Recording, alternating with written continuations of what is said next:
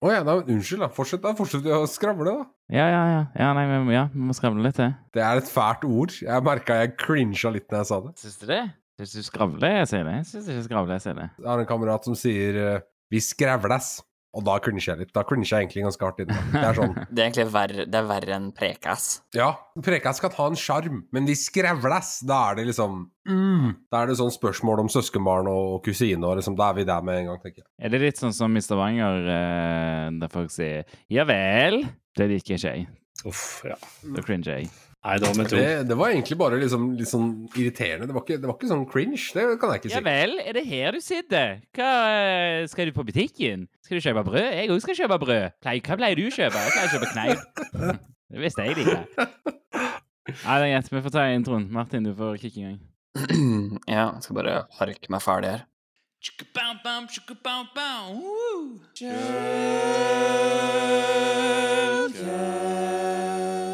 Da er det Skal vi diskutere episode nummer én? Da er det eh, niende episode, er det ikke det? Jeg er enig. Jeg er enig uansett hva dere sier nå. Forrige gang så bare fremsto jeg som en total idiot. Så jeg bare Jeg er enig. Jeg er så enig. Ja, det er bra. Ja. Mm. Hei og velkommen til denne ukens Skjellkast. Dette er episode ni. Jeg heter Martin. Du finner meg på Twitter som MRT9, og jeg jobber som sikkerhetstester. Hei sann, mitt navn er Øystein. Jeg er nyutdannet innenfor digital etterforskning. Finner meg på Twitter på at 0xtomg. Jeg heter Melvin. Jeg jobber som penetrasjonstester, og du finner meg på Twitter som uh, Flangvik. Jeg heter Vetle. Jeg jobber som pentester. Ett på Plato Twitter. Ja, jeg tenkte vi kan jo kanskje ta opp uh, først og fremst Ingen lyttespørsmål eller eh, innspill denne gangen heller, så folkens, hvis det er eh, noe dere ønsker at vi skal snakke om, ta opp eh, noe vi har glemt, noe vi har sagt feil, eh, dere har bare lyst til å sende oss noe info, eh, whatever, så, så send en mail til eh, podcast at eh, 5h3ll.so, eller at oss på Twitter, der er det 5h3llcast. Jeg lurer på om folk ikke finner oss. Det er for vanskelig å skrive 5H3LL. De har over 197 i IQ for å finne oss på Twitter. Ja, der kom han. Jeg måtte ta den med en gang. First. Men har du 15% av passordet? Det er spørsmålet. Ja, ja, spørs, da. 15 av brukerne. 5 og 3. Det må være 15% minst. Det er så mørkt. For de som ikke kobler, så snakker vi da om en uttalelse fra Donald Trump, der han sier at der, eh, Jeg minnes han sier at hacking ikke er noe problem, fordi for å hacke så må du ha IQ på over 194 eller 97, og så må du kunne 15% av passordet til han du skal hacke, han eller hun. Og det er sånn Ja, nei, nei, nei, nei. nei. Det hjelper, hjelper på, da, for så vidt. ja, ja. Altså kan du 15% av passordet, så kommer du lenger enn hvis du kan null. Det er sant. Ja, det er klart. Du må jo ha IQ nå, da. Den, den kan være verre. Vel, jeg har 15 av IQ-en, så bytter om på det. Hvis du er 15 av IQ-en og 197 av passordet, da har du hacka noen. Looper passordet på midten, da lurer jeg på. Ja, ja, ja. Det er en uh, Det er Vigineer. Nei, men uh, vet du hva, jeg tenkte vi kunne starte med noe eh, utrolig trist, alt jeg får si. Nå høres det ut som det kommer noe sånn fælt, da. Men jeg tenkte jeg skulle bare si noen, uh, noen ord om burnout. Eh, som eh, er Jeg i hvert fall har inntrykk er veldig vanlig i infosec-bransjen. Og refererer da til perioder hvor du eh, føler deg eh, drittlei datamaskin. Du har ikke lyst til å se på datamaskin, du har ikke lyst til å eh, røre en terminal. eh, og du er egentlig møkk lei det du driver med. Og det er vel noe jeg ser folk skriver på Twitter med jevne mellomrom. Type sånn nå tar jeg meg en solid break på liksom en måned, og bare rører ikke noe med IT. Eh, er det noen her som har, føler at de har hatt noe sånn Nå ble det nesten litt sånn der welcome to uh, eh, rehab, liksom, men hva, er det noen her som vil dele at de har hatt en burnout? I så fall så kan jeg begynne. Sett i gang du da, Melvin, så Jeg kan. Nei, så jeg, jeg har ikke hatt en reelt burnout, men det siste Jeg har hatt det jeg tror er starten på en burnout. Altså det vil si, du føler liksom at arbeidsdagen blir seigere, og at det, det du driver med, bare blir surrere. Så du bare, du bare roer ned på, på liksom aktivitetsnivået ditt for å passe på at du ikke, at du ikke når den eh, flaskehalsen. Mm. Hvor, du, eh, hvor du bare er møk lei og ikke kan røre det. Jeg, jeg merker jo sjøl at eh, der er, der er, jeg føler nesten det er uendelig, da, hvor mye du kan lære innenfor infosec. Altså det er så, det er så bredt, sånn at det, hverdagen den, den blir liksom utrolig pepra da, med ting inn, angående infosek og, og nye ja, alt du holder på med. Så blir det, det blir rett og slett for mye, og da er det fort å gå på den burnout-smellen. Så det er viktig å liksom skille litt da, og gjøre andre ting. Og Det er jo sikkert akkurat derfor dette er så utbredt i Infosec, at det er et yrke- og karrierevalg som, hvis du skal være på toppen, krever egentlig at du, du, du puster og, og spiser og bæsjer temaet, liksom. Egentlig. Ja, du, du, må, du må være interessert, og du må følge med hele tida, syns jeg, da. Alt, eh, alle, alle yrker alle er topp eh, Alltid hvis du skal være på toppen av uansett hva du driver om, det er sport eller yrket ditt. Det krever at du, at du arbeider hardt, men at du, krever, at du arbeider konsekvent, og at du hele tiden er liksom At du, at du, legger, inn, at legger inn jevnt arbeid. Det handler ikke om de, at, de, at du hele tiden jobber til klokken er liksom åtte på kvelden. Det handler bare om at, eh, om at man konsekvent klarer å legge inn arbeid, og at man ikke har liksom pauser på to måneder der man der man ikke får gjort noe arbeid. Og det får man ved å, ved å ta seg tid, da. Ved å, ved å se liksom OK, jeg begynner å bli burnt, uh, burnt out, og så ta, tar du deg mer tid til deg sjøl og sånne ting. Men bare passe på at man alltid er foran burnouten, da. Kloke ord. Jeg syns det høres eh, kjempetaktisk ut å bare være klar over at det Hvis du legger igjen for mye energi, så kommer det, liksom. Ja, og, vi- og det er alltid lov å ta pauser. Det er lov å liksom, det lover å chille. Det er lov å ikke ha liksom du, du, skal ikke, du skal ikke alltid sitte og jobbe det dødslangt på kvelden. Du eh, jobber tidene som er innenfor arbeidstiden, og så, og så tar du det med ro etterpå.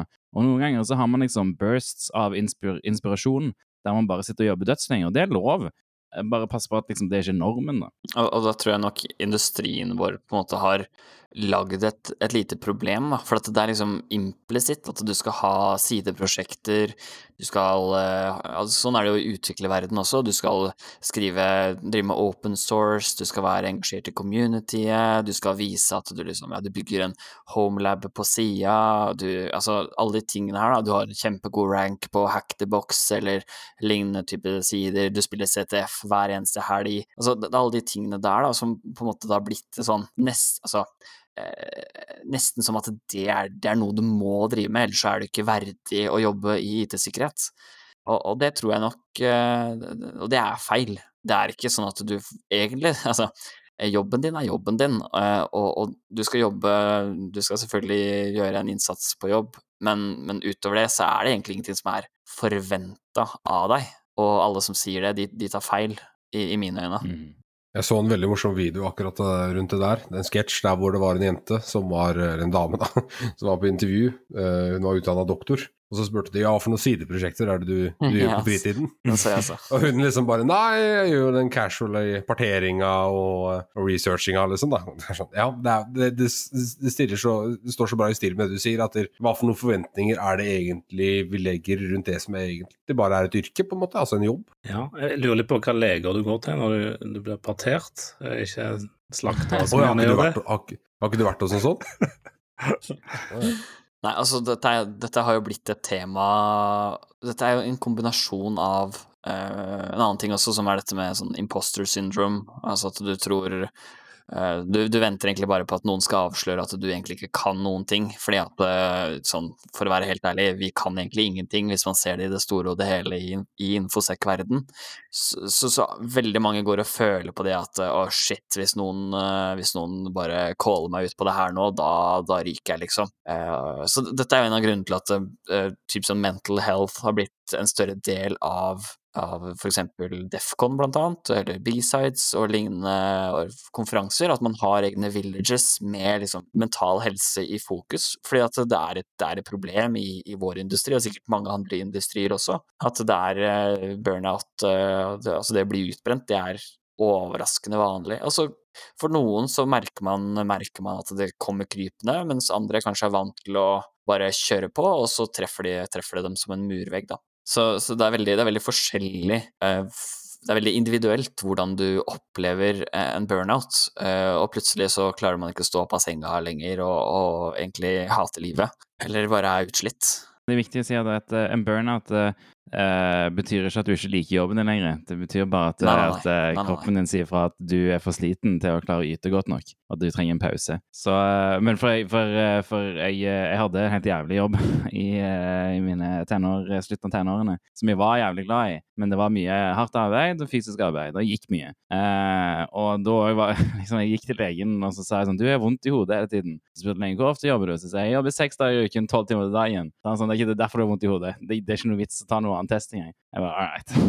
Det er greit. Jeg får uh, være forsiktig med hvor mye jeg jobber. Da var jeg nesten ferdig med liksom sommersesongen, så da tenkte jeg liksom eh. Men det treffer deg litt hardt, og så, og så gjør det vondt også, fordi at man tenker ah, jeg er burned out fordi at jeg ikke liker jobben min. Men det er ikke det, altså, det, er ikke, det stemmer ikke. Det er bare det er andre Nei. ting. Og det betyr ikke at du hater livssituasjonen eller noen ting. Trenger bare en pause.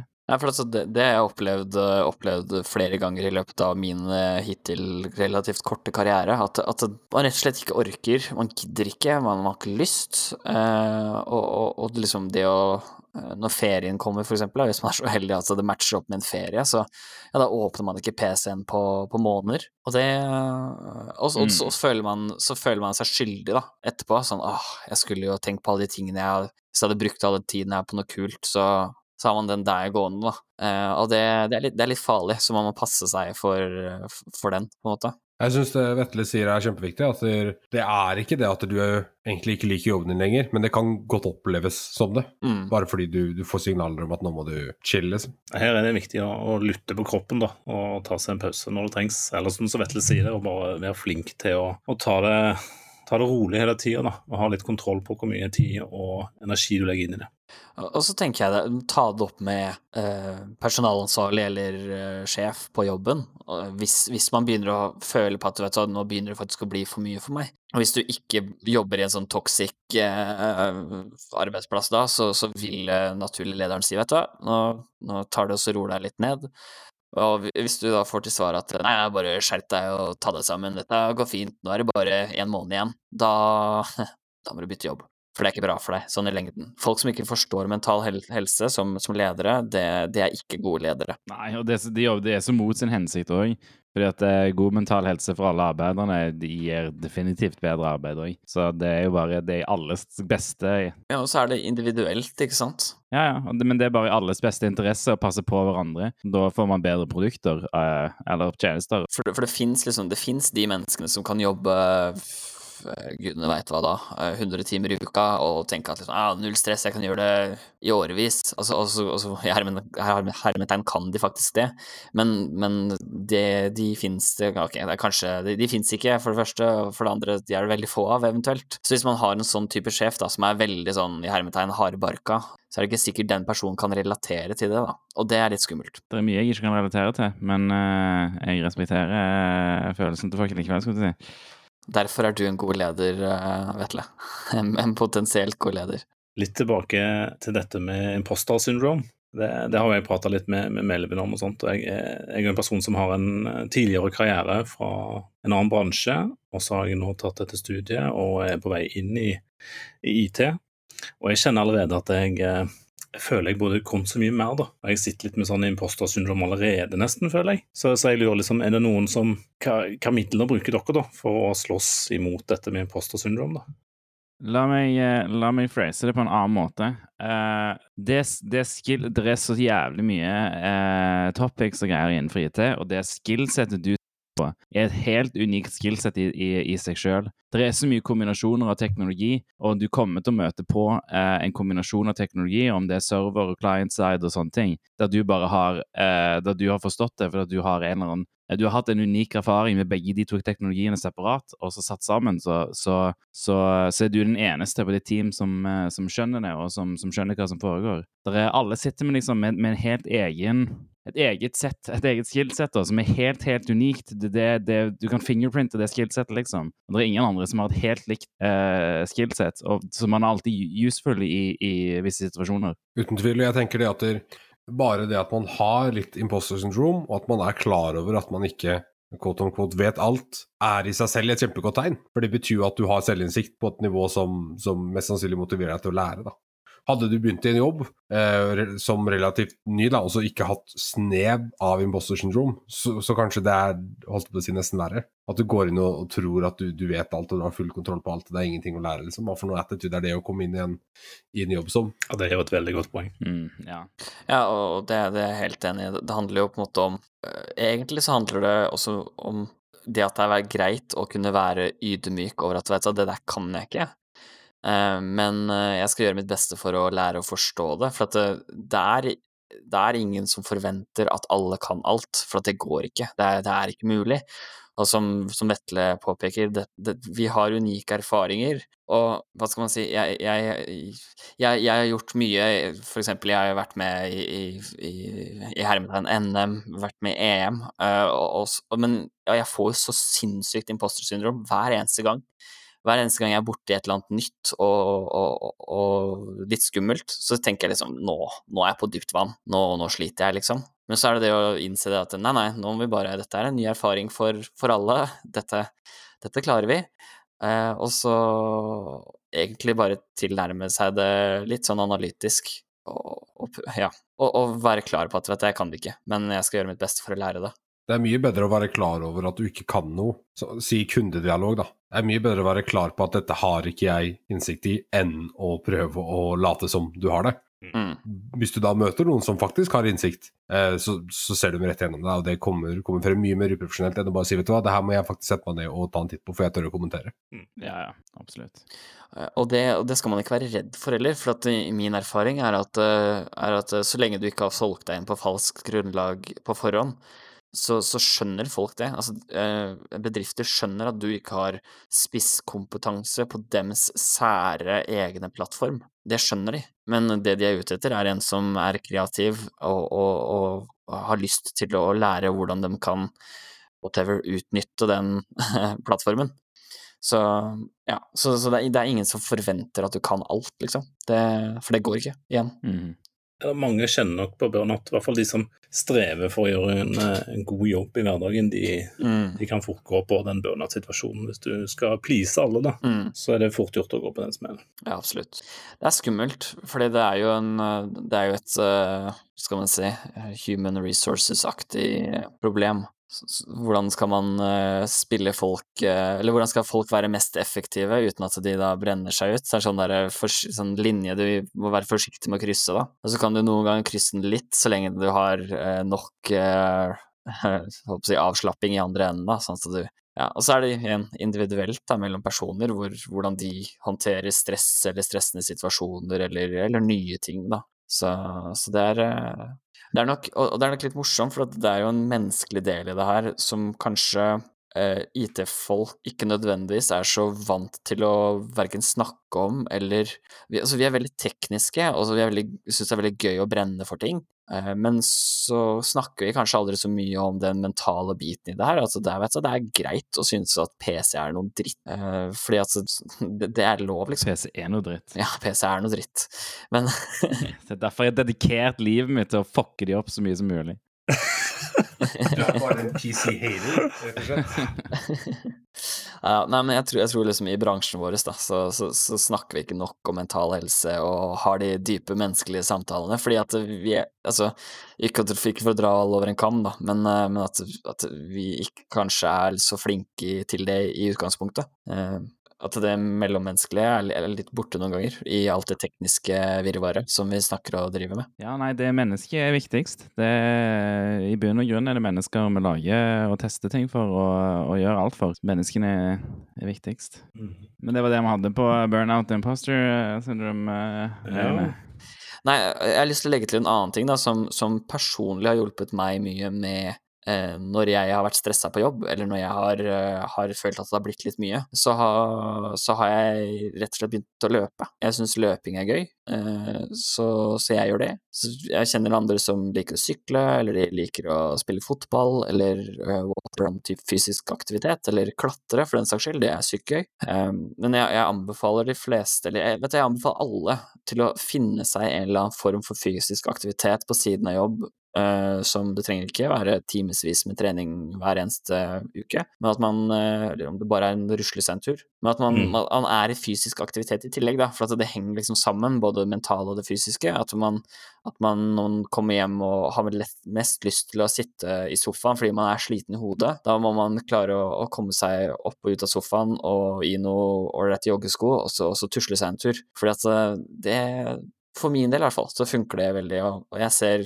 det har blitt mer og mer populært med på Twitter og, og for de som, som er der, blant annet så er det jo eh, hashtag eh, DFIRFit for de som driver med sånn forensics og sånt. Og så har du Red Team Fit, og så er det vel Hackerfit, blant annet. Ja, så det er ulike, ulike hashtags som man kan søke opp der, med mange innenfor bransjen vår som, som rett og slett bare legger ut at eh, fy søren, nå er det digg å komme ut og trene litt, og løpe litt, eller eh, lignende. Og så er det, hvis man bruker Strava eller lignende, sånne track hvor du løper, eller hvor du trener, eller hvor mye du trener, eh, så, så er det ofte communities der også, da, som man kan melde seg inn i. For å liksom bli Da blir man litt inspirert da, til å være litt aktiv også. Så Jeg vet ikke om jeg kan trekke det fram, Melvin, men du har jo bestilt uh, Whoop fra, fra USA. Ja, så eh, Hva er det for noe? Ja, det er helt riktig. Yeah. Og den ha, har jeg brukt, og bruker jeg eh, Hva, er- hva, hva er en whoop?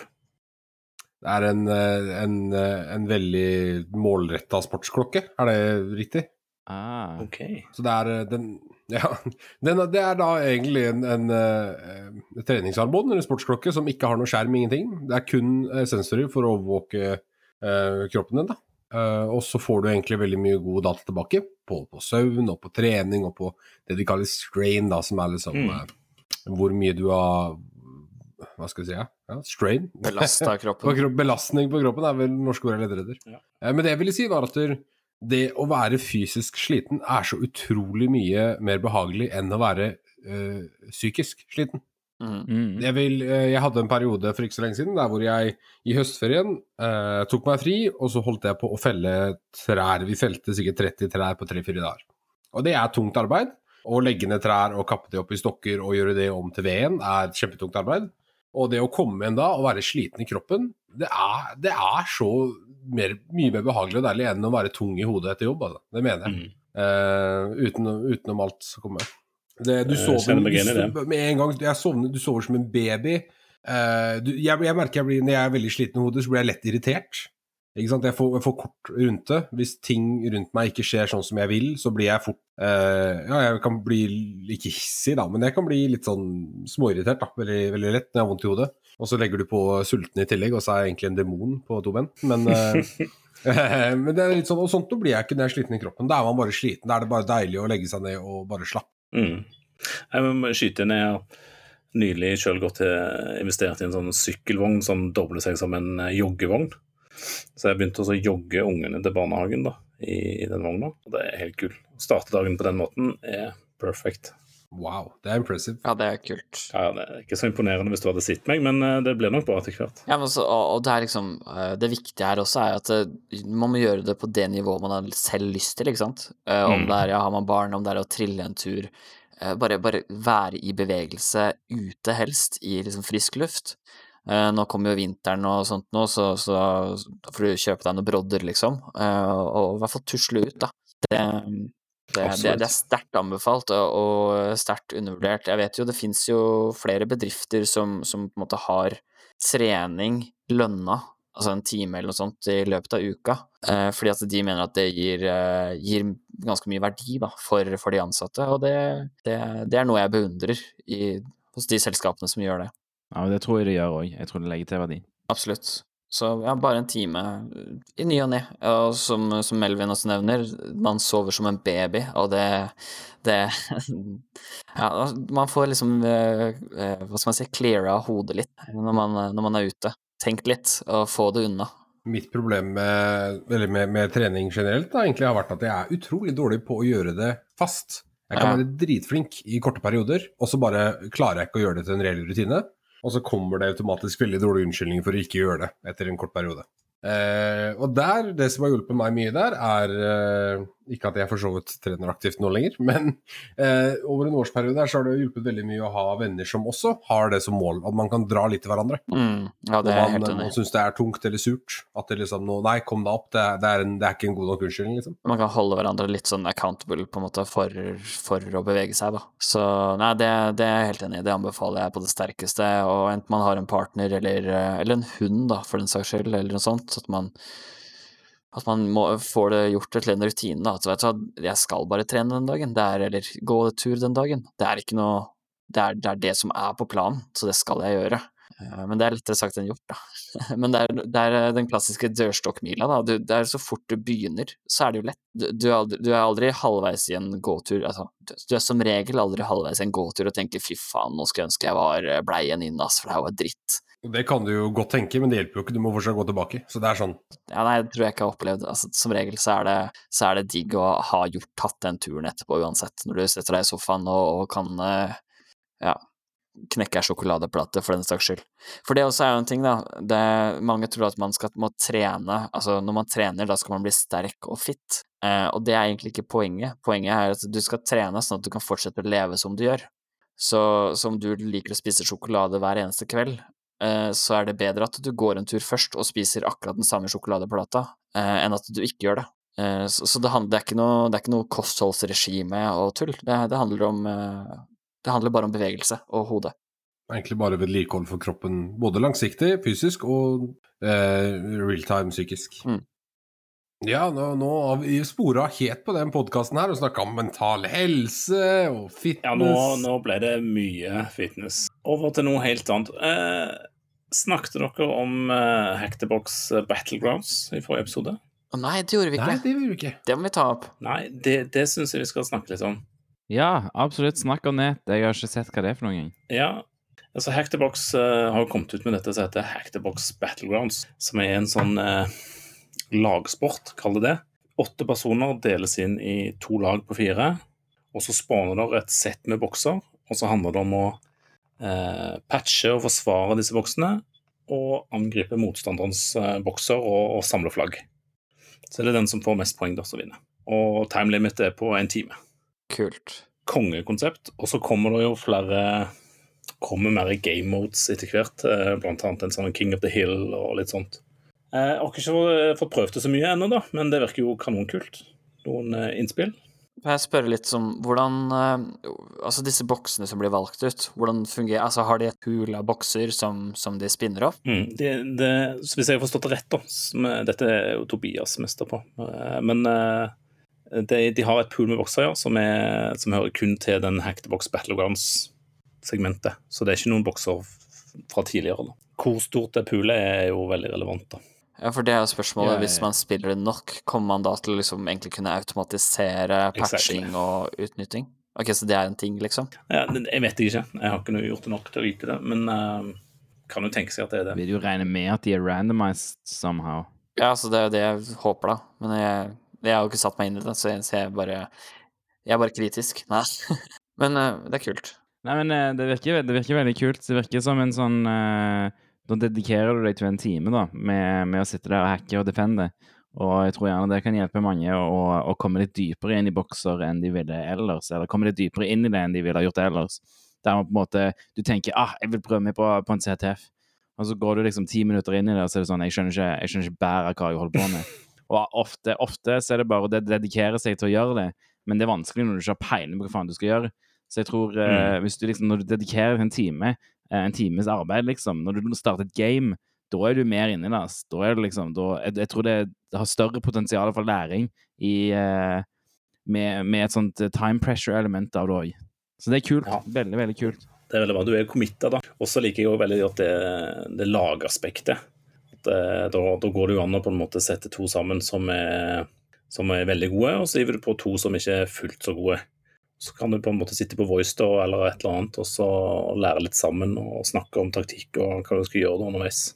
Og det kan jo fort bli veldig lærerikt, tenker jeg. En kul ting som Toby nevnte, jeg snakket med tidligere, da, var at du, for å si du er en pen- penetrasjonstester som, eh, som committer til et slikt game, så lærer du jo mye mer rundt hva en fiks faktisk innebærer, enn bare den setningen du skriver på rapporten. På hvordan du mener du burde fikse det her. Fordi i mange av scenarioene så må du faktisk inn og fikse det her selv. Så det kan hjelpe deg, eller bidra til innsikt da, når du, når du skriver en rapport i rapportdelen av en pentrest. Ah, mine rapporter er allerede perfekte. Det er ingenting som kunne vært bedre. God damn! Selvfølgelig vet jeg at alle mine mitigations er de beste mitigations. Eh, flawlessly skrevet. Er dette reverse imposter syndrom, liksom? Er dette ja. Det er, det er Dunning-Kruger uh, som kicker inn. Men, men hvordan fungerer Altså, patching er Men ok, men så hvis jeg har en boks, uh, kan jeg ikke bare skru den av for å stille et dumt spørsmål? Er den ikke da sikker? Nå er det et sånn NCIS-sikkerhet du holder på med. Du kan ikke bare dra ut Nei, nei, nei, nei, nei, men eh, det har jo vært et problem i, i ZTF-er. Det er et godt poeng, da. Jeg må ærlig innrømme at du fronter jo faktisk en sånn litt sånn edgecase. Hacka du akkurat Battlegrounds? Er det det du Jeg sier? tipper man får poeng for uptime på serveren. da. At Hvis, du ikke når, hvis ikke man ikke når serveren, så får du ikke poeng for den. da. Ja, ikke sant? kan ikke, hacke serverne hvis de er av. Jeg, jeg vet ikke om du hørte kon konseptet ledende spørsmål, Vetle, men eh, Oh, det, det var det.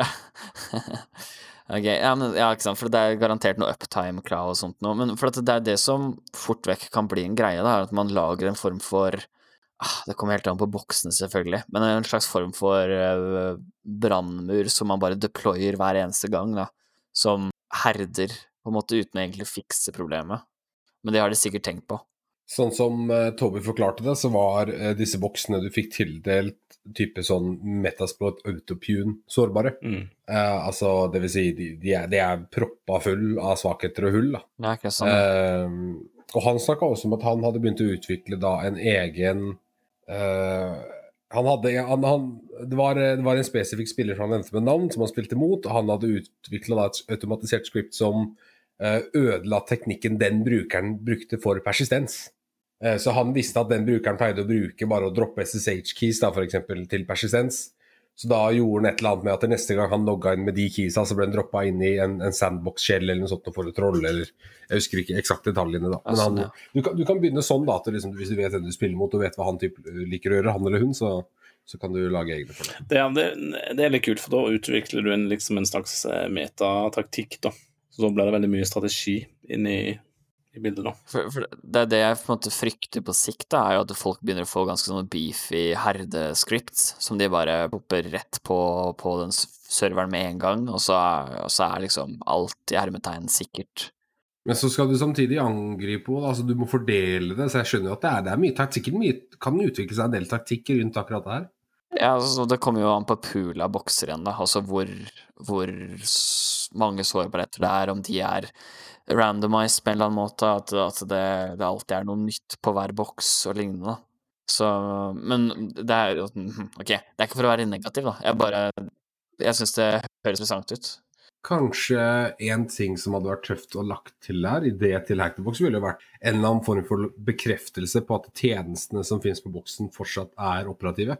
Sånn så, så, du, så du ikke kan gjøre sånn som du sier, at du bare kan liksom blokke all inbound. Det er jo vanlig i sånn CTF-er som har, eh, som har eh, attack and defense, da, som det heter. Så har du jo et, eh, et uptime-script som sjekker, som faktisk utnytter sårbarheten, og sjekker oppetid på en tjeneste som kjører. Så si du kjører en webserver som server et API, så sjekker den at API fortsatt fungerer, og så sjekker den om, om veien inn fortsatt eh, funker, da. Så den autosploiter deg, på en måte hver gang.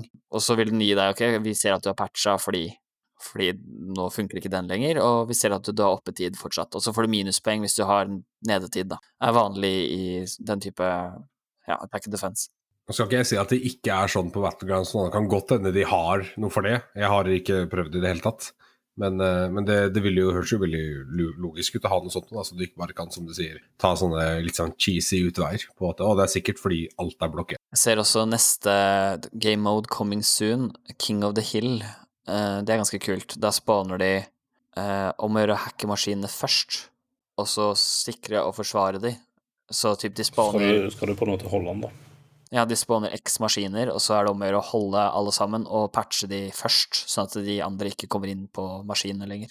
Det er ganske kult. Altså, men det her er ganske gøy, da, for det er en sånn nyvinning som har kommet uh, Dette er åpenbart Dette er åpenbart uh, ZTF-type uh, Attack and Defense-inspirert, da. Men, uh, men, at de Attack the Box er med og, og liksom driver det her litt, litt videre. Og, så, og, det som er gøy med det her, er jo at vi har sett Hva heter den derre Try Hack Me, er det det de heter? Den andre, den andre tjenesten som har kommet nylig. Eh, hvor de hadde først dette med at du får en VM som du kan hacke fra. Så du slipper, du slipper å ha liksom eh, virtual box eller, eller VMware lokalt for å kjøre Kali eller lignende. Så, også, men det arva jo da Hack the Box igjen. At, de, så, så at, det litt, eh, at, det er litt, innovasjon i den verden her også, det er ganske kult. Det har blitt litt konkurranse i det siste, og det er veldig mm. positivt. Ja, ja, ja. Nå, nå, ser du at alle prøver å innovere litt og komme med bedre løsninger og bedre tilbud til kundene, og det er bra. Ja, jeg tror, eh, jeg tror eh, det, blir, det, blir, bare større, det markedet for CTF-er og CTF-aktige oppgaver. Eller altså, mm. ja, alt, av, alt innenfor infosec eh, som man kan konkurrere om, regner jeg med. Det er jo gøy. altså Alt av sånn der CTF og hacking er jo jævla gøy. Det, altså, det er derfor man holder på med det. Så er det jo en så god måte å lære ting på. Det er, jo, det, det er jo en av de kjekkeste måtene å lære ting på. Ja. Kult. Jeg bare scrolla mellom den 'Getting Started' for Battlegrounds. Ja, hvis du har en broken service Hvis du har en broken service, så mister du poeng, står det. Ok, men da har de bekreftelse på det. Ja, det er nice. Og så hvis de har tatt begge flaggene på boksen, så er den breached. Så da blir den markert, liksom. Supercool. Er, er det for seint å legge til en nyhet nå? Nei, absolutt ikke. Eh, det har kommet en nyhet på NRK i dag, faktisk, eh, hvor det står at Telenor utsett for stort data og takk, eh, forsøkt pressa for millionsum. Så jeg tenkte det kunne være interessant å snakke om, for det her er TSOX, Telenor-søk. Det er da 12. oktober, forrige mandag. Og det de snakker om, det er da så har de vært, vært på mottakerenden av et sånn såkalt distribuert denial of service-angrep, da og fått eh, løsepengebrev hvor det står at dere må betale 20 bitcoin, ellers så, så fortsetter vi å, å, å dedose dere. Og at denne summen da vil stige dag, dag for dag, da. 20 bitcoin er nå rundt to, to millioner norske kroner, eh, hvis jeg ikke tar feil. Da skal du sitte på noen eh, noen. Noen mengder med datakapasitet, tenker jeg, hvis du skal, hvis du skal reelt mene at Telenor skal betale deg for å treffe den. Bitcoin? Har bitcoin eh, Er ikke det vanskelig å overføre så store summer penger over bitcoin, fordi at det, eh, det er så ustabilt? Du må innom Monero eller noe sånt. Ja. ja, så må du få tak i så mye, da. Det er jo 2,3 millioner norske kroner i bitcoin. Det er ganske mye penger, mye bitcoin å få tak i. Det er ikke så vanskelig å få tak i den mengden bitcoin, det er ikke det, hvis du har ja, det er kanskje ikke det. pengene. Altså, det ja, du det, altså, jeg vet jo at hvis du, er, du har limits da, på sånne standard kryptovaluta-exchanges Men jeg, jeg, kan ikke huske Jeg husker aldri hva de upper limitsa var, så sant du har bekrefta identiteten din. Men det er klart, Telenor hadde fått til det. Det tror jeg.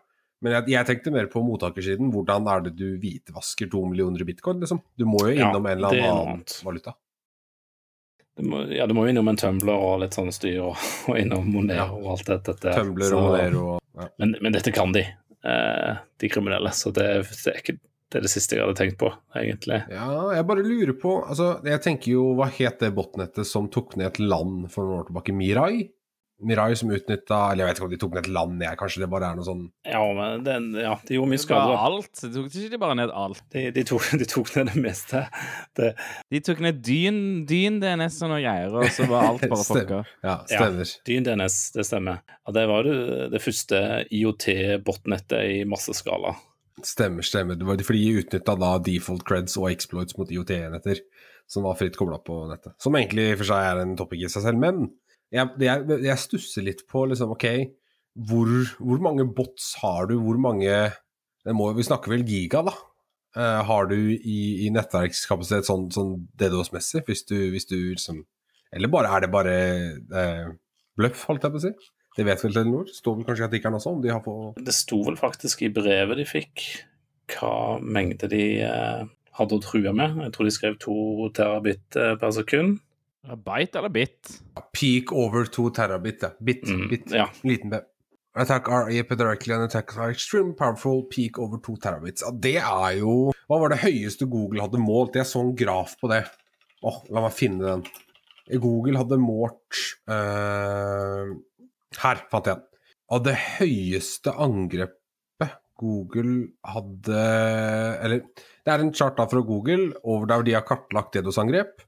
Og et, et, hva blir det her, 16, 17, 18 I 2018 så var det et angrep på 2,5 terabit per sekund. Uh, og det er da noe av det høyeste Google har uh, målt. Så dette er jo Hvis de har det, så er det reelt. Det var i 2017, står det her. 2,54 terabits per sekund, ja. Stemmer. stemmer. Uh, så, så det er klart, det er jo noen år siden nå, da, så man kan jo spørre seg om om man har klart å bygge litt mer kapasitet siden den tid, at det har blitt litt mer vanlig. Det morsomme er at de navngir seg jo som Lazarus, eh, eller sånn Lazarus Group. Det var jo kjent for eh, for, for, for uh, ransom, er det ikke det? Ransomware, altså krypt. Ja, så de har jo blitt, de har jo blitt uh, attributa til Nord-Korea, i hvert fall. Uh, ja, det står her at altså, ja, de har en sterk connection til Nord-Korea. Men ikke sant, dette er jo attribution igjen, da. Det er jo åpenbart ikke Nord-Korea. Sånn. Og de har jo tatt ned New Zealand-børsen, mener de, da. Ja, jeg mener de. Det er litt rått, for den er fortsatt Nå nede. siterer vi jo da, siterer vi da selvfølgelig ransom-noten som Telenor har fått. Eh, Det som de sier, da, er at eh, dette dataangrepet foregikk eh, rundt tre timer. Og, og råka deler av tjenestene til Telenor, altså impact av disse tjenestene. Um, De valgte å ta det ned da, for å få kontroll på angrepet. Så, så det har jo vært mer enn ingenting.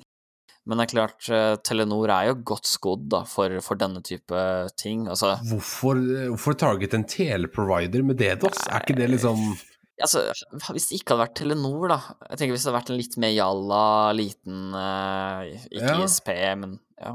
Jeg synes jo Telenor er en liten jalla ISP i forhold til resten av verden, liksom. Det er de vel ikke! Hvorfor, what are you doing uh, med å targete norsk ISP med 2,5 terabit? Nå må jeg pisse de off, ellers Men, men det, er som, liksom. det er egentlig gå litt i Ok, hvis Telenor sin infra hadde gått ned, så hadde jo hvor mange av Norges befolkning vært uten internett? 4G og eh, landlinje. Jeg syns vi skal gi litt kudos til, da, til, til Telenor og Tesok for at de håndterer dette veldig bra, og at de er veldig åpne og ut med det med en gang. Det er kult, det. Det er jo det viktigste. Så snakka vi om forrige episode, uh, dette med åpenhet om sånne ting, og, og, og kan jo si det at vet du hva, hvis du driver med DDoSing, så er du en idiot. Mm. Altså, vet du hva, jeg, å kalle det dataangrep, det syns jeg nesten er nedverdigende overfor andre dataangrep. Eh, Datademonstrasjon. Ja, ja altså. DDoS er eh, det mest script-kiddiete tingen du kan gjøre, eh, og jeg har null respekt for det. Det er, det er ingen altså det er ikke, det er ingen creds i å drive med DDoS. Men jeg skal bare si da, det er sikkert ganske mye creds i å samle opp et botnett som klarer å pumpe ut eh, to terabyte i sekundet. Det skal sies. Ja, nei, det er jeg helt enig Det er imponerende. Ja, ja. Kudos til Lasarus. men, men, men selve angrepsteknikken er teit, det er enig i. Jeg må si et selskap som er kriminell Eller altså en, en, en gruppe som er kriminell, og vet ikke om man skal stole på at det de sier, er, er sant alltid. Så om de sier de har 2,5 terab... Jeg tipper de har 2,5 terabyte, ikke terabit, og så har de skrevet bit, fordi at de vet ikke hva forskjellen er, fordi at de er skriftkiddies. De har mer enn det de tror. Ja, men alle skryter på seg en centimeter eller tre, vet du. Så det er liksom Sånn er det bare. Alle, ja, alle skryter på seg en terabit eller to. Alle skryter på seg en bite overfor en bit, vet du. Ja, Ja, ja. Men, eh, men det er jo uansett ganske Det står også i bunnen her at angriperne hadde gjort research eller recon på Telenor, for denne, denne trusselbrevet kom til de quote on quote, riktige personene i Telenor, står det i artikkelen. Uh, men det er klart, hvis du, de refererer jo det som er litt interessant, at de første av brevet her refererer de til uh, søk etter NZX eller New Zealand Stock Exchange uh, på, i nyhetene. Du vil vel ikke bli som dem, eller ende opp som dem? Og spørsmålstegn. Og hvis du googler dem, så er jo det da, ja, The New Zealand Stock Exchange, og den nettsiden er jo fortsatt mm. nede. Mm. Hvis du går på ncx.com. Så det er jo åpenbart at de har noe Det betyr nødvendigvis ikke at de har eh, to terabit i sekundet, men altså de har jo åpenbart noe, noe, noe krutt da, bak, eh, bak det brevet her.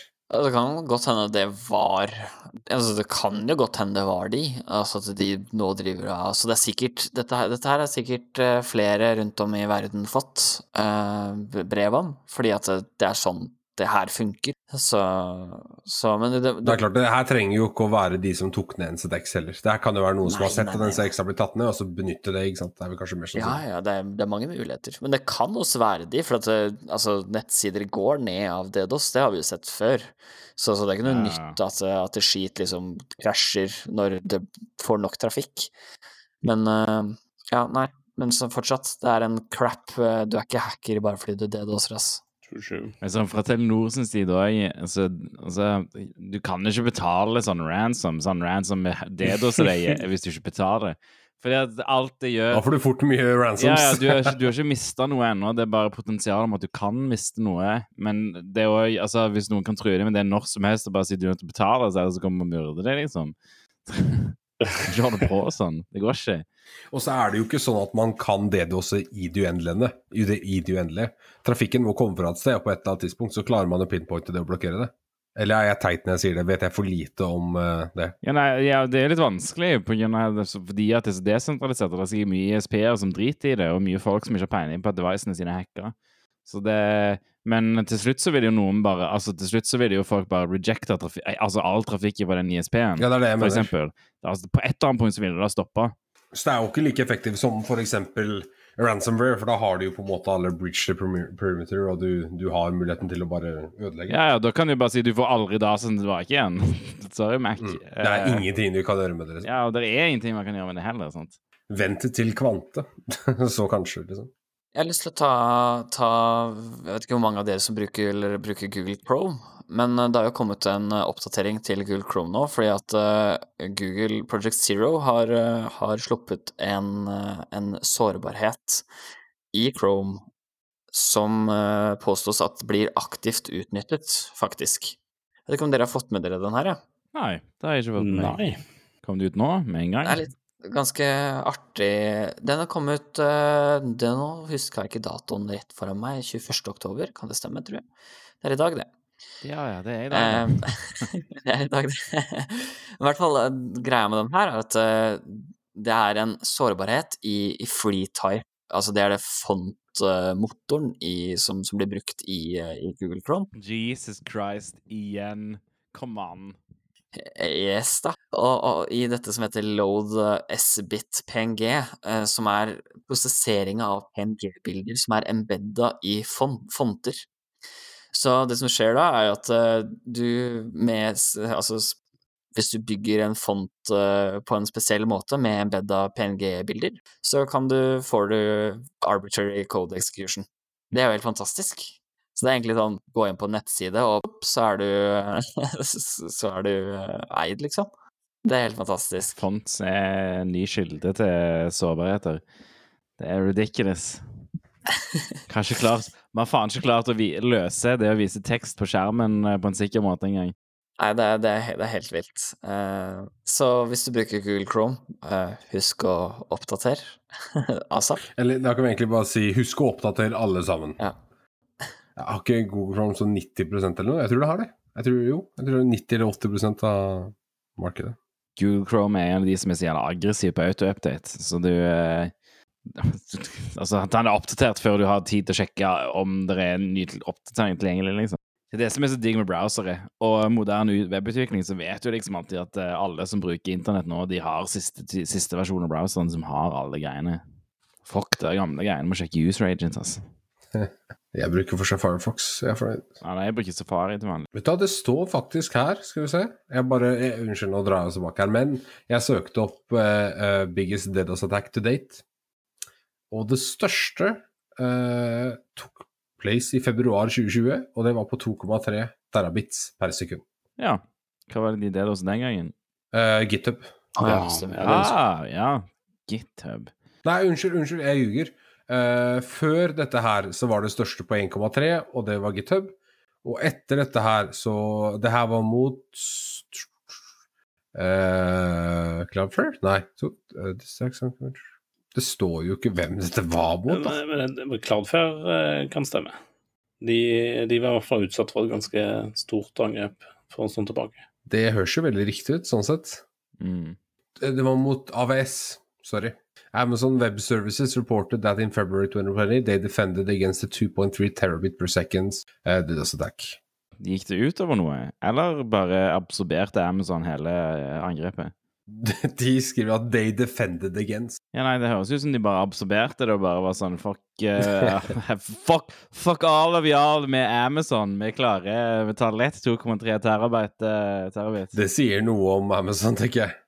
Å ja, unnskyld. Det virker som eh, Det virker som det er en tjeneste fra Amazon som heter AVS Shield, Mm. eh, som var deploya, som da beskytta, for en av kundene deres sikkert, et angrep på 2,3. Ah, ok. God PR, da. Ja. Ja, Det høres ut som det er. Amazon som har, uh, som har gjort angrepet. De har i hvert fall ressursene, så Ja. Reell stresstest, rett og slett. Dette var en pentester med litt uh, mange docker-containere. Det var det det var. Eh, nei, men uansett, så eh, Ja. Så da er jo det Det er jo litt for å sette i perspektiv hva det å true med to terabyte i sekundet er, da. Da truer du egentlig med det noe av det høyeste ever recorded. Det er kult. Hvis du har det, da, så klart. Ja, nei, jeg pleier å true folk med atombomber. Går til byen og sier 'hvis ikke du gir meg øl nå, så sender jeg en atombombe på deg'. Instru på meg. Instru som meg. Merkelig. I will show them.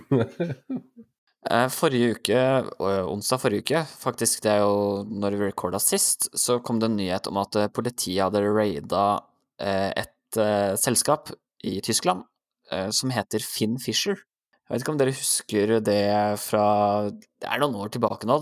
Eh, 2014, tror jeg.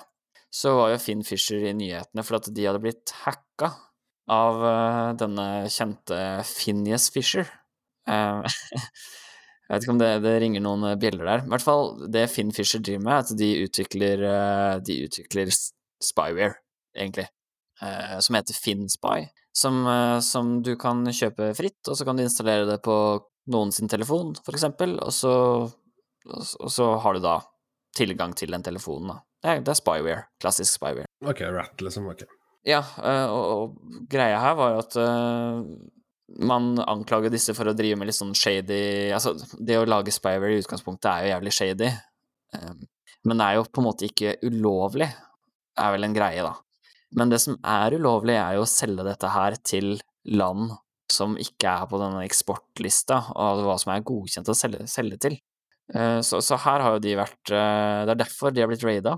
Eh, og, og nå må liksom stå, stå, til, eh, stå til ansvar for at de selger den type overvåkningstjenester til, til eh, land som, jeg vet ikke, jakter terrorister Nei, ikke terrorister, men journalister og, og lignende.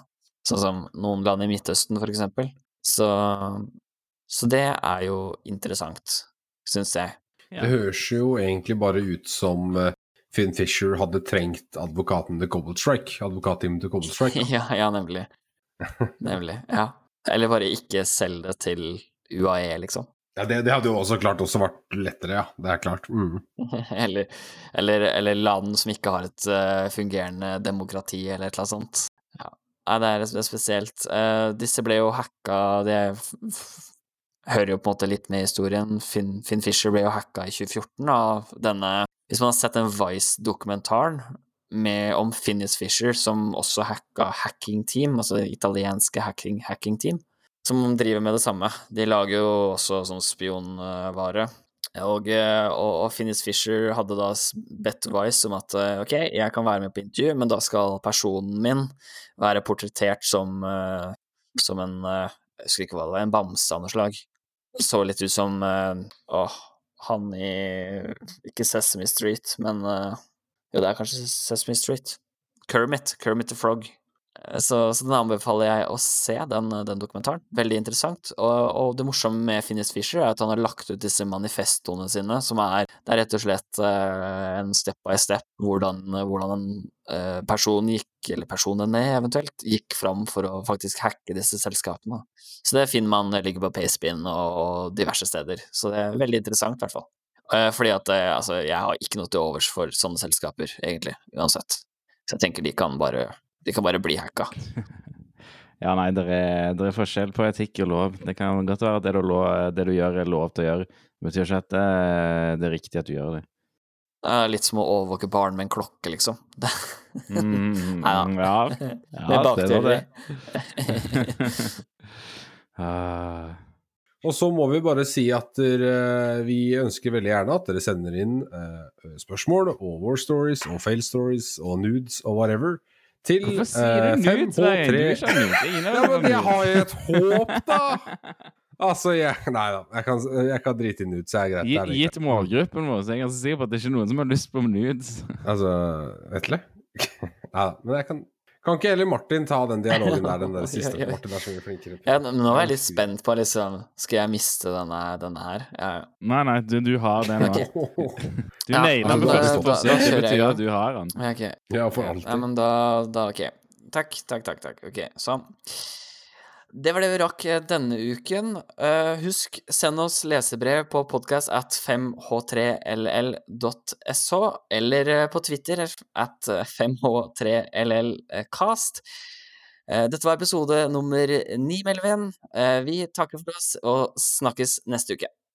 Ja, kanskje det blir den, den tiende episoden. Det blir Vetle-episoden, der vi liksom går gjennom alt som skjer bak, bak kulissene. Ja, nei, det må nesten bli den det må nesten bli den ellevte episoden, for det er 0XA. Ja. Ja, nei, vi gjør jo det. Vi har jo begynt på 0X. Hvis, når det står 0X, så må vi nesten gjøre det. Du kan ikke ha 0X10. Det er ikke riktig. 0X betyr at det er heks. det er jeg enig i. Så eh, ja, det er litt dust. Men det blir veldig lange episoder av det etter hvert, da. Vi har egentlig driti oss ut fra starten, Nei, så vi er det er ni episoder inn i 0XA, sant? Det er kortere enn 0X10. Jo, det er Frem, sant. Det er- frem til det vi er kommer til 16, da. Da må null. Ja, det var det jeg skulle til å si, for da, da Skal vi se, for da hvis vi skal ha episode 20, så er det Ja, ikke sant. Hva er det for noe?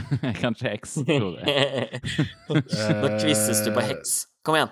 Kom igjen. A4. Ja, da blir jeg usikker, da, for jeg er redd for å dumme meg ut igjen. Men jeg får 14. 1-4. Ja, det er det jeg får. 14 i 16. Ja, ja, ja. Nei, det, det må være riktig. Det må, hvis hvis eh, 1-0 er 16, så må jo 14 være 20. Hvis du 30, ja. Hæ? Hæ? Nei, nei, nei. 0x20 er 32. En, ja, da, det blir jo bare kortere. Uh, I 0x20 Ja, er 32, ja, 0x20 er desimalen 30, ja. episode 20 Å ja, sånn ja. Uh, Ja. ok, ja, da, Ja. da, da så. Ja.